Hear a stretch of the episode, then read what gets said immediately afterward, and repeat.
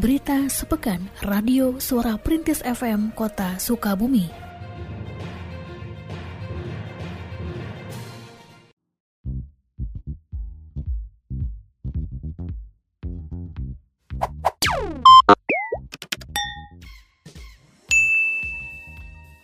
Perkembangan nilai investasi di Kota Sukabumi selama tahun 2021 berdasarkan data yang ada meningkat signifikan dibandingkan tahun sebelumnya. Hal tersebut disampaikan oleh Kepala Dinas Penanaman Modal dan Pelayanan Terpadu Satu Pintu DPMP TSP Kota Sukabumi, Didin Syarifuddin saat ditemui pada hari Senin 17 Januari 2022. Dijelaskannya nilai investasi pada tahun 2021 mencapai lebih dari 3,4 triliun rupiah, mencakup 1.005 perusahaan yang terdiri dari 623 usaha mikro, 298 perusahaan, 26 perusahaan menengah, dan 58 perusahaan besar.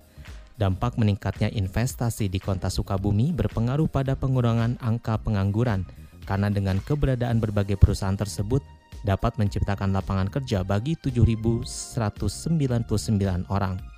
Eh, Alhamdulillah bahwa investasi yang masuk ke Kota Sukabumi cukup mengembirakan e, dibandingkan dengan tahun kemarin ada peningkatan yang signifikan e, e, dengan berlakunya sekarang PPKM ternyata e, untuk kota Sukabumi nilai investasinya cukup besar e, dibandingkan dengan tahun kemarin. Alhamdulillah e, nilai investasi yang masuk ke kota Sukabumi e, ada beberapa e, kegiatan di antaranya untuk UMKM juga untuk e, di antaranya perumahan dan e, perusahaan lainnya. Barangkali itu. Uh, untuk tenaga kerja yang bisa diserap alhamdulillah ada peningkatan sebanyak 7.199 orang walaupun jumlah serapan tenaga kerja ini sekitar 7.000 orangan. Setidaknya ada penyerapan tenaga kerja pada tahun ini. Bidang Statistik Persandian dan Keamanan Informasi Dinas Komunikasi dan Informatika Diskominfo Kota Sukabumi telah menerbitkan tiga buku terkait data pada tahun 2021 yaitu buku data statistik sektoral, metadata variabel, dan indikator. Kepala Bidang Statistik Persandian dan Keamanan Informasi Diskominfo Neng Rahmi menjelaskan penyusunan tiga buku tersebut melibatkan berbagai organisasi perangkat daerah OPD di lingkungan pemerintah kota Sukabumi selaku produsen data, serta Badan Pusat Statistik BPS Kota Sukabumi sebagai pembina data. Diterangkan lebih jauh, buku data statistik sektoral memuat data dari kegiatan yang dilakukan OPD yang bisa dirilis serta dapat dimanfaatkan kembali oleh OPD, di antaranya dalam penyusunan laporan kinerja pemerintah daerah. Untuk pembuatan data statistik sektoral selama 3 bulan, eh, yang pertama adalah pengumpulan data 1 2 bulan. Selanjutnya kita melakukan validasi data yang bekerja sama dengan BPS. Setelah data itu valid baru kita eh, buatkan buku dibukukan data statistik sektoralnya. Di data statistik sektoral artinya kita buatkan identitas daripada datanya atau dikenal dengan metadata. Nah, metadata tersebut kita bagi atas dua jenis yaitu metadata variabel dan metadata indikator. Untuk metadata indikator jumlahnya saat ini adalah 312 data. Kemudian untuk metadata variabel jumlahnya adalah 759 eh, data. Jadi total data statistik sektoral di Sukabumi adalah 1071 data. Ya, data uh, untuk masyarakat uh, bisa mulai mengaksesnya di 1 Februari 2022 melalui portal uh, Open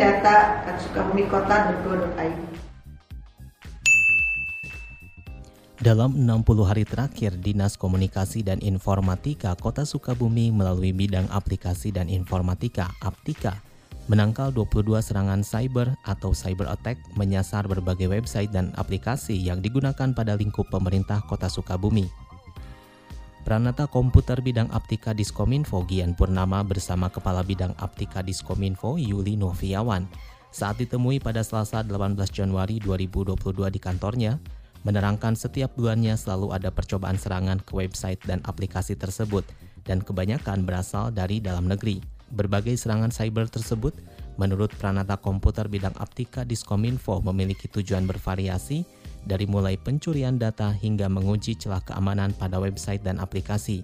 Sebagai upaya untuk menghalau berbagai serangan tersebut, Diskominfo memiliki tim yang bertugas rutin memeriksa keamanan website dan aplikasi. Nah itu memang jadi jadi bahan penilaian juga buat kita. Jadi segimana kuat sih keamanan informasi yang ada di kita. Tapi dengan banyaknya yang nyerang itu mungkin juga bisa kita bisa memperbaiki celah-celah mana saja yang memang harus diperbaiki seperti sebulan kalau misalnya yang laporan kemarin ada beberapa mungkin 10 sampai bisa sampai 30 juga tergantung memang serangannya seperti apa. Nah untuk mengantisipasi ini ada ada dua option ya antisipasi memang ke uh, pribadi yang punya website atau misalnya ke tim kita yang di Swiminfo. Nah untuk mengantisipasi yang pertama itu tim kita memang intens 24 jam.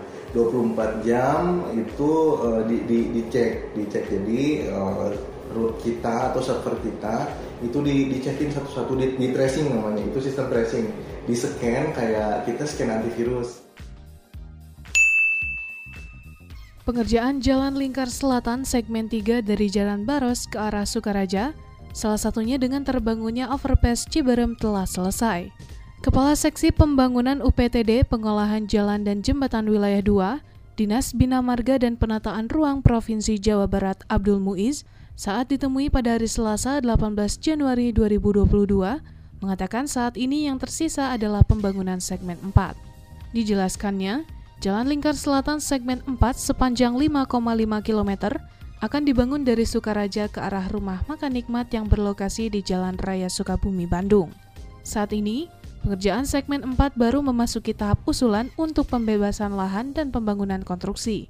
Ia menerangkan sejauh ini dalam pengerjaan Jalan Lingkar Selatan segmen 1 sampai 3 tidak ada kendala berarti hanya terjadinya pandemi COVID-19 membuat pengerjaan sempat terhenti karena adanya efisiensi anggaran. Diharapkannya, Jalan Lingkar Selatan dapat menaikkan perekonomian serta mampu mengeroykan kemacetan. Dan tersisa untuk konstruksi yaitu segmen 4 yaitu dari Sukaraja ke Rumah Makan Nikmat. Nah, khususnya untuk segmen 4 ini uh, kita belum ada uh, apa pembebasan lahan kemudian uh, konstruksi pun gitu kan kami dari UPTD 2 dalam proses pengusulan pengusulan anggaran untuk uh, pengadaan lahan dan uh, pembangunan konstruksi. Untuk meningkatkan perekonomian itu adalah salah satu kuncinya adalah akses berarti jalan sebagai utama. Dan itu dijadikan sebagai jalur utama atau untuk memperlancar arus kendaraan ya yang tadinya kita arahkan ke kota dengan adanya lingkar Sukabumi ini akan mengurai tingkat kemacetan. Sebanyak 22 kegiatan fisik atau pembangunan sarana prasarana bagi masyarakat diajukan dalam musyawarah perencanaan pembangunan Musrenbang Kecamatan Gunung Puyuh yang dilaksanakan pada hari Rabu, 19 Januari 2022 dan dibuka oleh Wali Kota Sukabumi Ahmad Fahmi. Dalam sambutannya, Wali Kota menjelaskan beberapa kegiatan yang berhasil dilaksanakan oleh pemerintah Kota Sukabumi tahun lalu, seperti penataan pedestrian Ahmad Yani, meskipun masih dalam kondisi kesulitan anggaran akibat pandemi COVID-19. Wali Kota juga menerangkan tema besar pembangunan pada tahun 2022, yakni pemantapan daya saing daerah menuju kualitas kehidupan masyarakat yang unggul.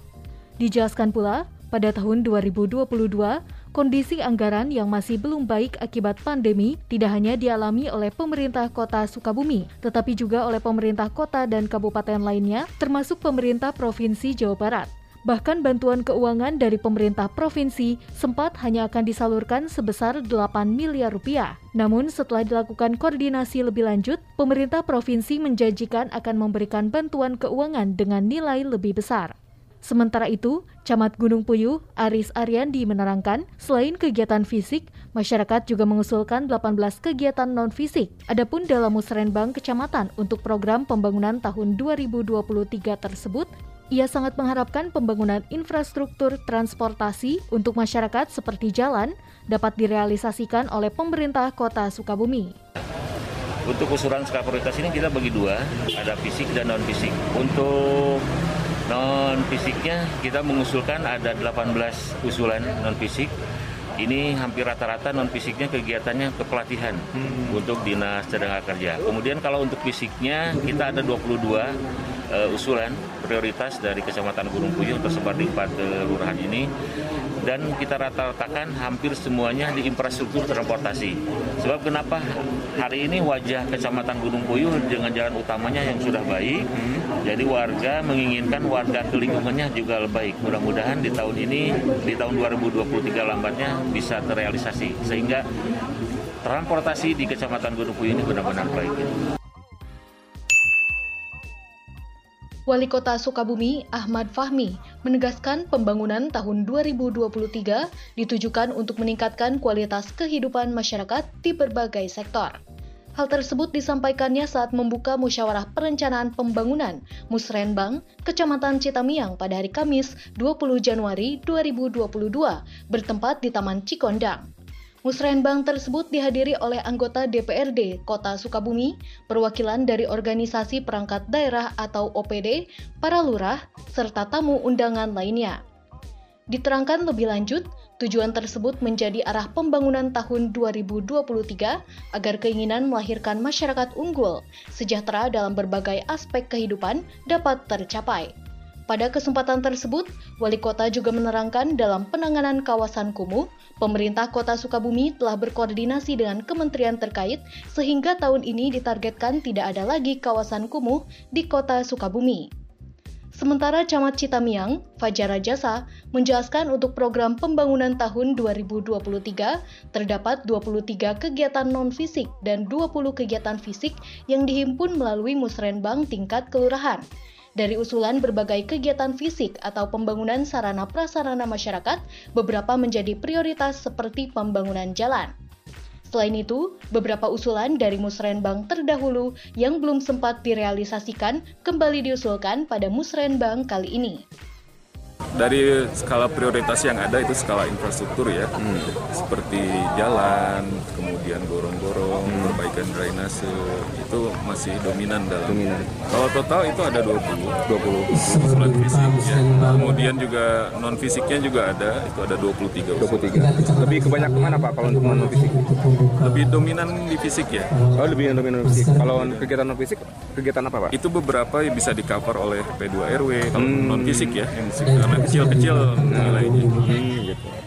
Ada ada ada usulan yang tahun sebelumnya tidak belum pernah terrealisasi di Ada, ada karena karena kita sudah punya mekanisme ya. Hmm. Kita punya database hmm. uh, terkait usulan-usulan masyarakat terutama yang P2 RW. Hmm. kita tidak tidak langsung mengusulkan yang baru, tapi kita cross check dulu usulan-usulan sebelumnya yang memang belum ya, terrealisir kita naikkan dulu.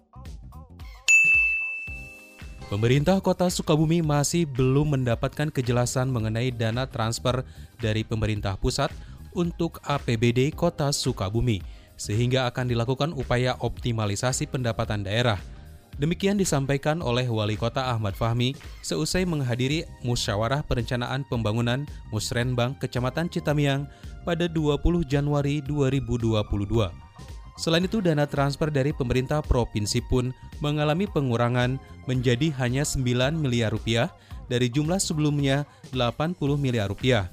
Namun menurut wali kota, komunikasi terus dilakukan sehingga diharapkan dana transfer untuk pembiayaan program pembangunan di kota Sukabumi bisa dinaikkan.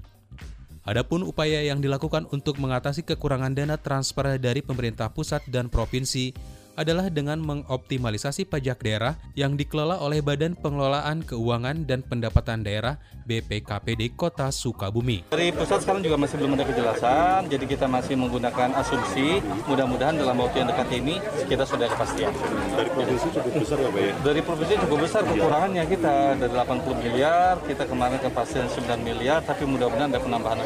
Jadi juga masih asumsi juga upaya apa? Upaya yang akan dikejar untuk menaikkan PAD kita Pak? Ya, optimalisasi maka di PAD itu harus kita optimalkan. Kafe, restoran, hotel, reklame, ini menjadi bagian yang harus kita berdayakan dalam kerangka tadi mengantisipasi anggaran yang kurang. BPKD sudah kami tekankan melakukan optimalisasi pendapatan daerah. Tersisa 8 hektar kawasan kumuh yang akan ditata oleh pemerintah kota Sukabumi. Hal tersebut disampaikan oleh Wali Kota Sukabumi ketika membuka jalannya Musrenbang Kecamatan Citamiang pada 20 Januari lalu di Taman Cikondang. Dalam upaya penataannya, pemerintah Kota Sukabumi akan berkoordinasi dengan kementerian terkait untuk menuntaskan kawasan kumuh seluas 6 hektar, sedangkan sisanya akan diselesaikan oleh pemerintah Kota Sukabumi. Salah satu upaya penataan kawasan kumuh yang telah dilakukan sebelumnya bekerja sama dengan Kementerian Pekerjaan Umum dan Perumahan Rakyat, Kemen PUPR, melaksanakan program Kotaku, Kota Tanpa Kumuh. Melalui program ini, pada tahun 2020, Kawasan kumuh di tiga kecamatan ditata di antaranya dengan pembangunan drainase dan septic tank komunal. Nol kawasan kumuh tadi Pak, kita kan punya 8 hektar lagi Pak ya? Tersisa 8 hektar kawasan kumuh. Upaya yang dilakukan untuk mengejar target nol kawasan kumuh ini Pak seperti apa ya, sih? Tentunya kita akan terus melakukan komunikasi dengan kementerian karena harapan kita kawasan pengintren eh kawasan kumuh ini bisa diinikan oleh kementerian harapan kita. Jadi eh, mudah-mudahan tahun ini kementerian sudah clear tampaknya akan menuntaskan sekitar 6, 6 hektar kawasan kumuh. Berarti masih ada PR dua lagi apa ya? Dua lagi nanti dari kita lah. Seperti itu. Ya. Mencegah penyebaran COVID-19 terutama dengan penyebaran varian Omicron yang tengah terjadi perhatian berbagai pihak, Pemerintah Kota Sukabumi terhitung mulai 23 Januari 2022 menutup kawasan alun-alun dan lapang merdeka setiap hari Minggu. Wali Kota Sukabumi Ahmad Fahmi di sela-sela kunjungan Menteri BUMN ke Gor Merdeka pada hari Sabtu 22 Januari 2022 menjelaskan penutupan hingga batas waktu yang belum ditentukan ini dilakukan dalam upaya menahan laju kasus COVID-19 dan keputusan penutupan diambil berdasarkan kesepakatan Forum Komunikasi Pimpinan Daerah Porkopimda Kota Sukabumi. Jadi dalam kerangka kita juga menahan laju kasus baru, khususnya sekarang ada varian Omikron, maka kami pemerintah daerah beserta unsur Musbida, Forkopimda, untuk sementara waktu eh, penggunaan labdek pada hari Minggu ini kita tutup dulu sampai kemudian memang situasi dapat kita lihat terkendali. Karena kemarin arahan dari Pak pemerintah pusat juga Omikron ini kecenderungannya naik di wilayah eh, Jawa Barat. Jadi sementara untuk mencegah kita tutup. Di Kota Sukabumi, alhamdulillah sampai saat ini tidak ada kasus. Memang ada dua kasus warga Kota Sukabumi berKTP Sukabumi, tetapi sudah sangat lama mereka tinggal di luar Kota Sukabumi. Jadi tercatat di kita karena KTP ini masih kita, tapi sejatinya sudah tidak tinggal di Kota Sukabumi.